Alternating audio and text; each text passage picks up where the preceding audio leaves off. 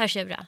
Ja, gör ska jag backa lite? Yes. Hur blir det? Sitter jag för nära eller? Nu är det fredag och så Ja. får äta mat. Snart får du äta mat. Ja, snart. Ja. Är det någon specifik just diet? Jag är bara intresserad av att utmana min kropp. Eh, Den heter 66 Day Challenge. Varmt välkomna till podden Mot alla odds. En podcast där vi möter spännande personer som har lyckats på olika sätt mot alla odds. Per Jörgen Persson är en av Sveriges absolut främsta techinvesterare. Men för den breda massan är han fortfarande något av en doldis och han pratar inte gärna om sitt privatliv. Han investerade tidigt i Spotify, iSettle och Avito och är bevisligen skicklig på att nosa upp succébolag. Idag är Per-Jörgen Persson partner på North Zone och han är mer engagerad i att flytta riskkapitalet till underrepresenterade entreprenörer än vi först hade förstått. I det här samtalet med Dekka Abukar berättar han om en helt ny fond och han sträcker ut en hand till Dekka. Kommer hon att nappa på hans erbjudande? Eh, välkommen Per Jörgen. Tack. Hur mår du idag? Jag mår jättebra. Kul att vara här. Du berättade tidigare att du är på någon juicediet så att du är lite trött. Ja, jag säger, nu har jag fått kaffe så nu är det mycket, mycket bättre. Men jag har eh, druckit juice nu i snart en vecka så jag börjar bli rätt trött på det. Men nästa vecka får jag faktiskt börja äta lite mer vanlig mat igen. Nice, nice. Mm. Men eh, du, vi pratade lite tidigare om det här, är det medvetenhet att vara opersonlig i det offentliga? Men man vill ju ändå veta liksom var dina värderingar har grundats och Mm. hur din människosyn och synsätt överhuvudtaget, det är väldigt intressant. Mm. Men berätta, hur var dina föräldrar och hur var hemmet du växte upp i? Ja, mina föräldrar var ju båda, när jag var väldigt liten, jazzmusiker. Men sen så när eh, de behövde helt enkelt komma till läge där de hade tillräckligt med pengar för att betala amorteringarna och räntorna på radhuset i, i Göteborg vid den här tidpunkten. Så, så pappa gick och klippte sig och fick ett jobb på Handelsbanken. Eh, och eh, mamma började sen utbilda sig. Och eh, de höll ihop i hela livet. Min mamma gick bort för eh, ett år sedan ungefär. Och eh, de var ett väldigt liksom, intressant par i det avseendet att pappa gjorde ju karriär inom Handelsbanken och blev bankdirektör, en av de högsta cheferna i på Handelsbanken efter att ha startat som, som liksom på allra lägsta nivå i, eh, i Handelsbanken efter en karriär som jazztrummis.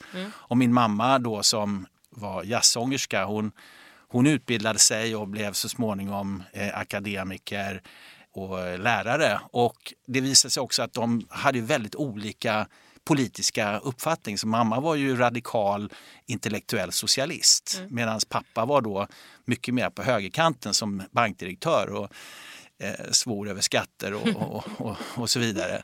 Så att eh, den spännvidden vi hade runt middagsbordet det är ju nog kanske få förunnat att ha få vuxit upp med. Så det var, tycker jag var väldigt spännande. Hur har det färgat resten av ditt liv? Ja, alltså att man inte kan liksom ta för givet att en åsikt är den bästa till att börja med. Utan att man måste tänka efter och man måste också underbygga den och att det finns oftast två sidor på varje mynt eh, som man måste liksom förstå. Sen så at the end of the day så är det vad man tror på kanske som avgör. Men att man måste ha respekt för att alla människor har rätt till sin egen uppfattning och eh, sin egen väg framåt, sin egen väg till frälsning om man säger så. Eh, det tycker jag liksom att kanske min familj gav som en av de starkaste contributions till min eh, liksom personlighet, att, att jag fick den, den möjligheten. Har det varit en styrka då i ditt arbetsliv idag men liksom även tidigare? Ja, absolut. Det, det har det varit. Sen, sen kan jag väl säga att eh, tid till annan så har den inte varit så uppskattad kanske. Men jag tror att den har blivit mycket mer uppskattad med tiden. Att, Vad eh, beror du på? Nej, men jag tror kanske att frågan har kommit mera i fokus. är att eh, Man kan faktiskt titta på världen på olika sätt. Och sen så det här att, eh, att vi har en allt större partisanship, vad heter det? Ehm, Alltså att man, eh, att man går ut på liksom extrema kanter och, liksom, och sitter... Liksom, ja, exakt. En, en mycket starkare polarisering i samhället som jag tror är, är fruktansvärt utav ondo. Och att eh, det finns väldigt lite mekanismer som motverkar det. Och att vi måste som eh, samhällsmedborgare eh, som se på det att, att det är inte så att jag gräver ner mig i min eh, skyttegrav och försöker köra mitt race utan att det har en konsekvens. För då är det någon annan som gör samma sak fast på längre bort och till slut så börjar vi skjuta på varandra. Men eh, du, vem, vem höll du med mest då hemma? Mamma eller pappa? Oj, det där är en svår fråga. Det, Nu blir det nog- politiskt ja, ja, men, jag, ja, men alltså, jag tror nog att eh, om jag skulle liksom uttrycka någon form av politisk åskådning så tror jag nog att jag är, jag är mer åt vänster än åt höger. Mm. Eh, men samtidigt så, så tycker jag liksom att det finns väldigt mycket i det här att eh, det personliga ansvaret, att se till att man driver eh, och tar ansvar för, eh, för sig och sina när, nära och, och eh, bygger sin framtid snarare än att man ser att det är något kollektiv som ska göra det. Det, det gör att jag kanske är mer åt mitten än åt vänster i det avseendet. Men du har ju haft en lång karriär som entreprenör och idag är en investerare. Men vad är ditt första minne av liksom entreprenörskap, hustling, om man får säga så? Eh, hur började det?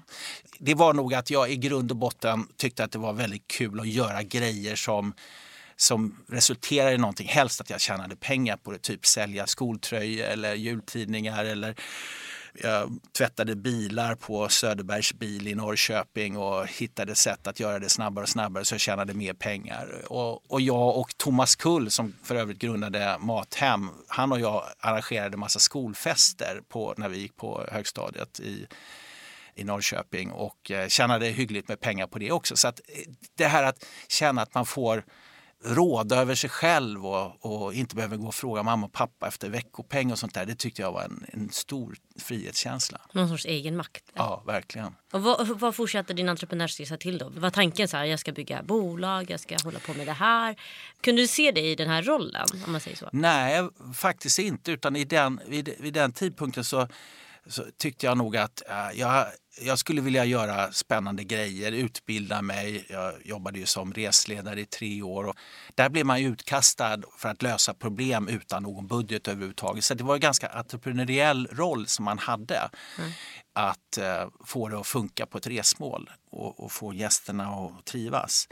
Eh, och sen så när jag kom hem därifrån hade sålt dammsugare i ett halvår så, så kände jag att att, eh, för då hade jag kommit in på Handels och, och när jag började på Handels då hade jag nog egentligen först och främst en tanke på att jag skulle göra storbolagskarriär. Att jag skulle in i något så här stort och fint och, eh, och så efter. Eh, men så, så tyckte jag att någonstans på alla de här mötena som man var på, på eh, såna arbetsmarknadsdagar och sånt där. Att det kändes så liksom stort och opersonligt och man eh, skulle vara en liten kugge i ett stort maskineri och det tyckte jag kändes jobbigt. Och Vad så- var det som gjorde att det kändes jobbigt? Just den saken? Ja, alltså, jag kände, jag visste liksom inte hur, hur skulle jag kunna göra någon skillnad här överhuvudtaget. Jag skulle komma in och så var jag tvungen att göra precis som de sa att jag skulle göra och det lockade inte alls. Eh, och det kanske var helt fel uppfattning men det var i alla fall så jag kände. Mm. Du ville göra en förändring liksom, där Just du det, skulle vara.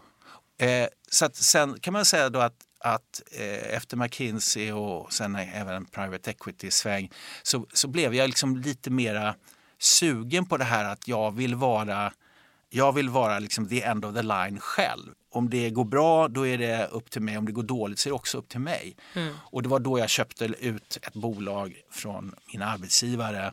Eh, och det var väl egentligen där som eh, vid den tidpunkten som jag kunde konstatera att efter det här kommer jag nog aldrig vara anställd mer. Okej, that's it liksom.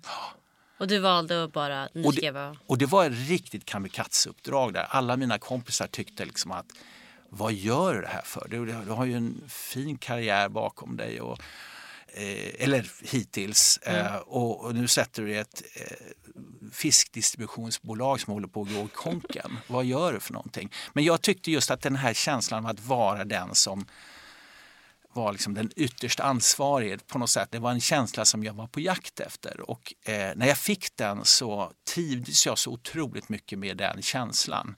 Även om det var skitjobbigt understundom.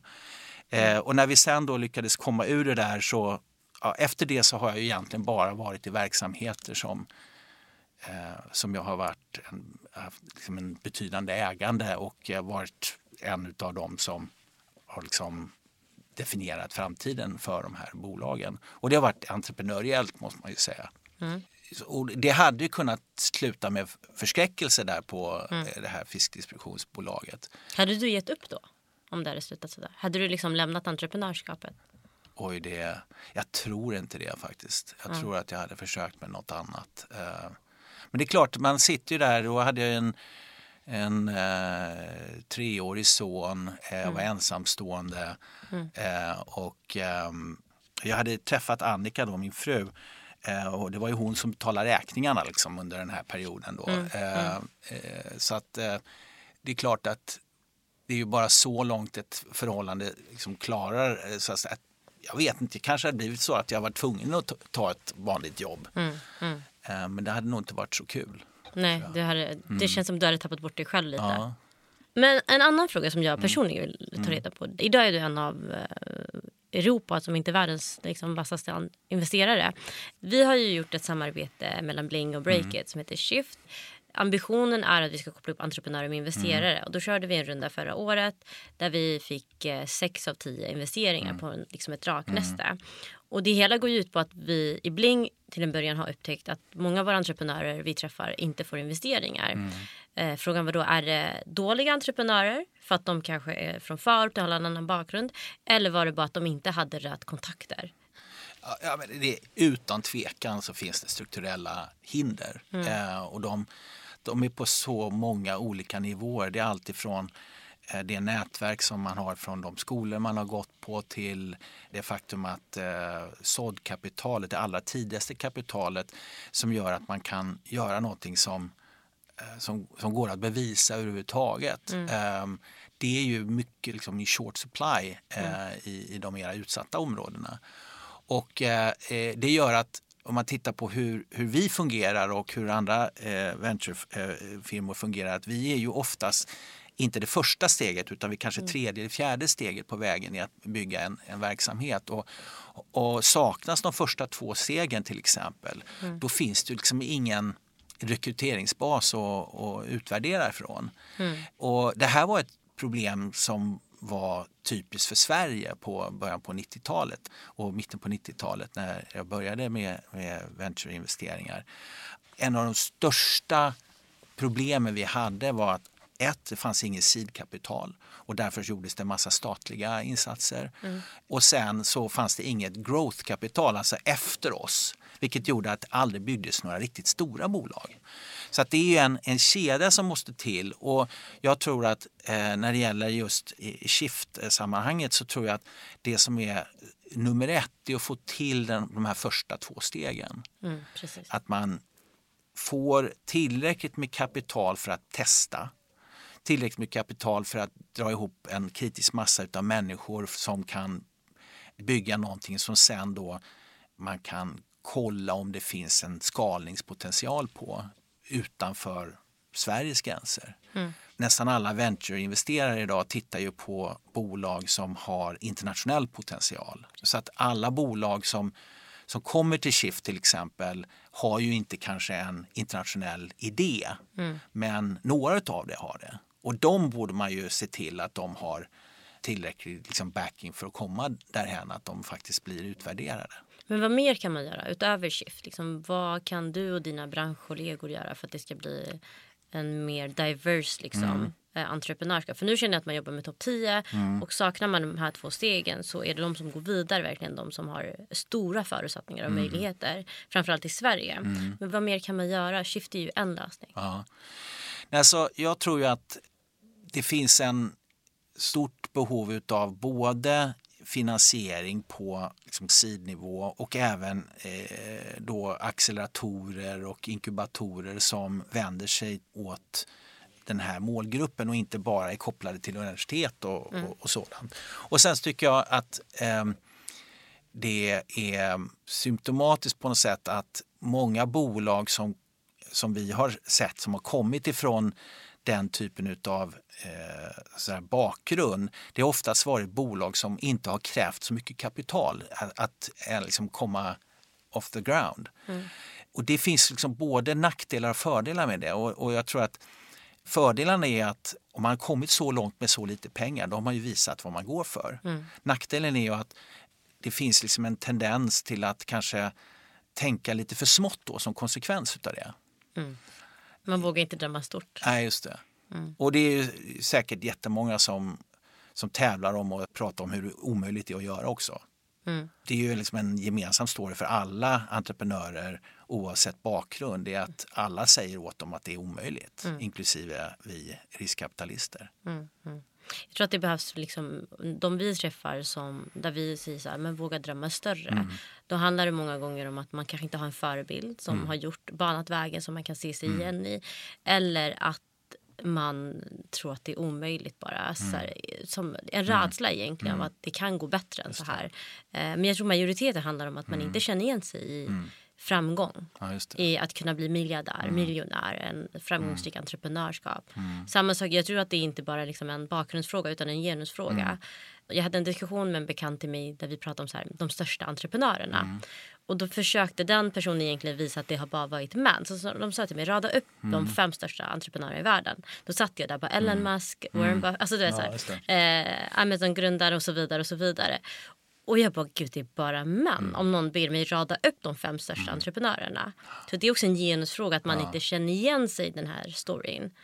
Men, men du har ju gjort investeringar utanför Sverige också. Och det finns ju en hel värld utanför Sverige som jag tycker kan ligga ibland före oss i diversity-frågor. Men USA framförallt, hur skiljer det sig? Entreprenörskapet i USA, i Sverige, frågor med vem kan drömma, hur stort kan det bli? Ja, men jag tror att där, där finns det ju eh, i allra högsta grad eh, samma problematik. Och det är väl egentligen så här att, att där är det mera liksom en pengaopererad verklighet.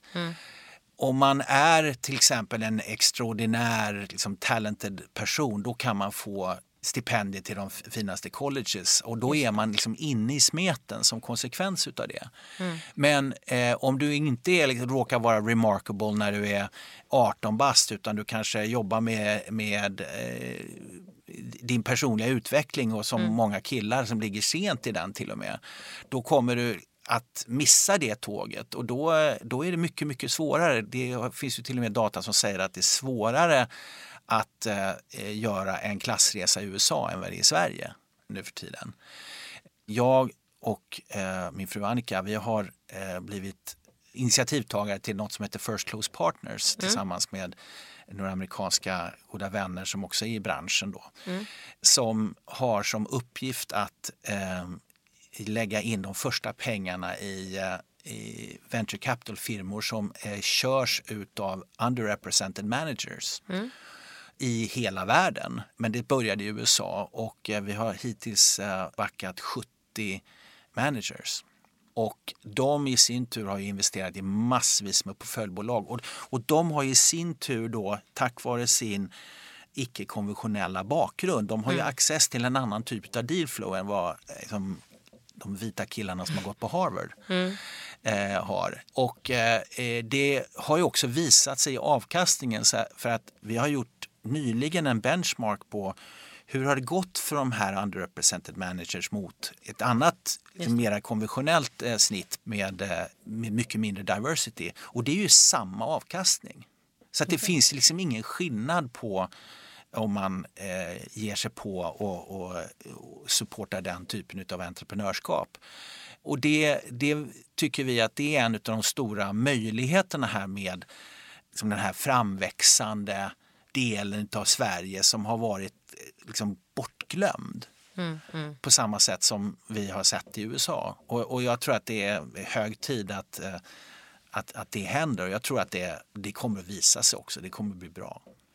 Ja men det tror jag verkligen. Men Mm. ni såg ju fröna i USA. Kan ni ha den typ av fond i Sverige också? Ja, ja, vi investerar i Sverige också. Okej. Eh, vi har tittat på tre, fyra underrepresented managers. Vi har inte investerat än så länge i Sverige men vi har investerat i, i eh, Island slash Danmark med den linsen och vi letar fortfarande. Ja, med alla entreprenörer som här. Hur kommer man i kontakt med er? Ja, det, är alltså, det är viktigt att konstatera att det är alltså sådana som vill starta venturefirmor. Precis, precis. Eh, Så att det är inte portföljbolagen i sig som ska... Men om, om ni har tänkt eller om ni har, idag jobbar på någon venturefirma och funderar på att ja, men det skulle vara kul att köra igång någonting som adresserar just den här delen av marknaden. Eh, Då, då finns det eh, finns det intresse att titta närmare från First Close Partners. Mm. Och du Decca, du har ju ett fantastiskt nätverk och eh, träffar många. Du borde ju starta en eh, venturefirma. Nej, men jag tror definitivt. Jag tror vi kan agera som en rekryteringsbas som du sa tidigare. Och eh, man vet aldrig, det kanske kommer någon gång snart. Mm. Ja, men ni hör. Ja. Nej, men om vi pratar om investeringar i Sverige då framför allt. Eh, du har ju en stor erfarenhet som gynnar många eh, entreprenörer får ta del utav. Så min fråga blir självklart så här. Vad, vad har de entreprenörer som har varit mest framgångsrika i din, i din karriär haft för gemensam nämnare? Är det driv? Är det passion? Är det talang? Ja, alltså, jag tror att det är väldigt många som kan vara framgångsrika entreprenörer till att börja med. Så att det är inte, det är liksom inte någon Zlatan-effekt här Nej. att man måste vara liksom, eh, genetiskt liksom byggd på ett visst sätt. Utan jag tror att många kan, kan bli det. Eh, sen är det några saker som kanske står ut och det är det här att vissa personer har en förmåga att övertyga andra människor. Eh, och, och då menar jag övertyga lite grann oavsett. Det är, inte- det är inte bara en säljförmåga utan det här att det vi ska göra tillsammans är så viktigt. Och, och du som sitter mitt emot mig är en, en viktig del utav den vägen framåt. Så att personerna kan få folk att ge upp sina alternativa drömmar och gå och följa med på den här vägen. Liksom, vissa klarar av att beskriva att det här måste göras och vi är de enda som kan göra det bra. Och så, så kan de leda i bevis att de faktiskt kan göra det bra. För, för omgivningen. Och, och när vi ser det som investerare att det finns en, en extra attention to detail, liksom man tänker lite större, rekryterar lite smartare, lite högre nivå som vi kallar higher up. Så de hittar folk som faktiskt är smartare än de själva och tycker att det är kul, inte hotande. När de gör det, då, liksom, då känner man den här att det sprakar i rummet på något sätt och det, det är spännande som tusan att vara med om. Är det så du hittar de här vassa entreprenörerna? att hitta en eh, bra co-founder eller bra co-founders som kompletterar en själv både i kunskap och i personlighet tror jag är det allra, allra viktigaste. För att det är en, det är en jobbig resa att vara entreprenör. Eh, det är många berg och dalar och kanske mest dalar faktiskt i början. Eh, och då måste man kunna dra upp varandra ur de dalarna. Och, och det svårare att hitta en co-founder än att hitta en livspartner. Oj. Ehm, eh, men jag tror inte att det är riktigt så illa. Men, men eh, det, är, det är otroligt viktigt för det är där som jag, jag tror kraften skapas. faktiskt. Grymt. Och tack så mycket. Tack för att du har varit med och tack för alla dina tips. My pleasure. Mot alla odds är ett samarbete mellan Breakit och Bling och jag som producerar heter Katarina Andersson. Shift sponsorer backar den här podden. Welcome uh, Jessica. How's your day? Good, thanks. Great. Thanks. Thanks for having me. Thank you for being here. Uh, Michael, who's one of your founders for Wall Street, was an investor last year, uh, and this year he's a partner and an investor. Uh, why did you guys decide to become a partner this year? What's in it for you guys? Um, so I think last year Michael was really impressed by the entrepreneurs and the companies uh, that participated in, in in Break It Shift, and so uh, and so of course we we'd love for Wall Street to be able to uh, to to look at those companies as well and uh, and uh, potentially be able to invest. We're in the process of of um, preparing our second ventures fund, which is the the funds in which we invest in really early stage po- companies. So it's a perfect fit, really, for the types of companies in in Break It Shift. So so that's one of the reasons. Just in general, the the the applications that you've had were exceptional, and and and the entrepreneurs we saw were just were just fantastic. Um, and also, we hope to to be able to to add a little something as well. We want to be able to support them and and and to share some of the things that we've learned over the years, and and be able to, you know, help them on their growth journey. So. Yeah, really, really exciting to be sort of more fully in this year. Yeah, and we're we are really excited and grateful to have you guys. And one of the investments you did last year was Chew Folk with well Chew Folk with Well Street, one of my favorite chewing gums uh, today. Uh, but instead, you guys are an investment company and you invest all year round and have been doing it uh, quite a while. And you have been in the game for a while because you told me about London and so on before. Uh, but how do Wall Street work with? Uh, bridging the gap between entrepreneurs and investment because in Sweden and uh, we did a research with um, Breakit that showed only 0.8% goes to entrepreneurs outside of uh, the city Mm-hmm. who live in the suburbs. How do Wall Street work with diversity and trying to invest diverse? So I think there's there's sort of three different things. One is you have to sort of not just talk the talk but walk the walk. So we're probably one of the only investors I think that don't have an office in Stureplan and in the center of the city. So it's important for us to actually be uh, visible outside of the city and in other places, and that's one of the reasons why we have the the factory in Solentuna to just show that that there are um, sort of business centers outside of the city where a lot is happening and, and where tech and investment can be present. Um, the other thing is um, also the the amount of companies that we meet. So we have quite a low threshold in terms of being accessible to entrepreneurs. We try to meet as many as we can. Um, even the entrepreneurs that we turn down, we try to tell them why and give them as much advice as possible so that they can go and raise capital. Um, we also make a lot of the, the the content and the things that we do for our companies available. So also a good example is the the Google Launchpad program that we have in partnership with Google for Startups. Uh, we always invite companies to apply to join alongside our companies so they can benefit from that content and from the the knowledge that we share through throughout those sessions. Um, so so so it's a mixture of those things, but I think being accessible and making our resources and network accessible as much as possible. and actually walking the walk. Yeah. Great. But what's your best tips for entrepreneurs who are looking for venture capital?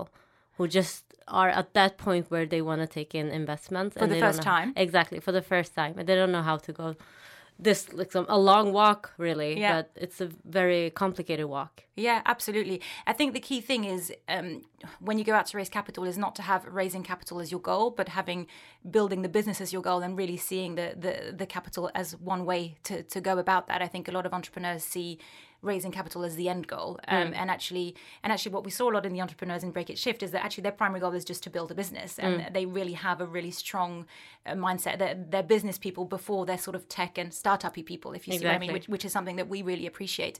Uh, so I think that that's really the key, uh, and then just making sure um, you know that, that you have a business proposal that's not just focused on what the product is, as if you were pitching to a customer, but really thinking about it from an investment perspective. And I think that's a, that's a big mistake that entrepreneurs who haven't raised capital before um, uh, c- can sometimes make. So I would say foc- focus on that, and then start with the networks that you know. I think um, sometimes entrepreneurs don't realize that actually they know a lot of people and have access to capital. It might not, it might just not be you know the VC that that, that they've seen in the newspaper, but actually they they have more networks than than they think they do. So sort of starting where you know and sort of expanding from there. But how can you create a network? Let's say entrepreneurs who don't have family and friends in their immediate network who can provide them with uh, capital. How, what's your best tip to create a network? I think one of the best ways is really to make use of a, a- lot of the things that are accessible in Stockholm. Like there is a lot of support for entrepreneurs. I think maybe some some of those centers that, that that have you know the incubation or the acceleration centers are maybe not so good at getting the word out there about the resources that are available. And I think that's one of the things that Break It Shift can actually change. Um, but the idea is is to, to to really look for those centers where there's a lot of free information and access, um, and start to really buy into those. Um, you know, go to the events as much as possible, uh, whether it's it's digital or physical, and really start to meet people and talk to people as much as possible um, about your business. Um, uh, you know, as much as you can, and then you know ask for introductions um, for, with any, anyone you meet. You know, go to the events, meet other entrepreneurs as well is a really good start. Um, you know, they actually help each other out a lot more than you might think. Um, so I think reach out to other people like you, find out how they raise capital, learn from their journeys, and and, and go from there. So that's a, another really good thing is like having all of those companies come together and, and learn from each other. Great, great tips, really. Uh, thank you, Jessica, for joining us today, and Wall Street for being a partner. Great, thank you so much. Thanks.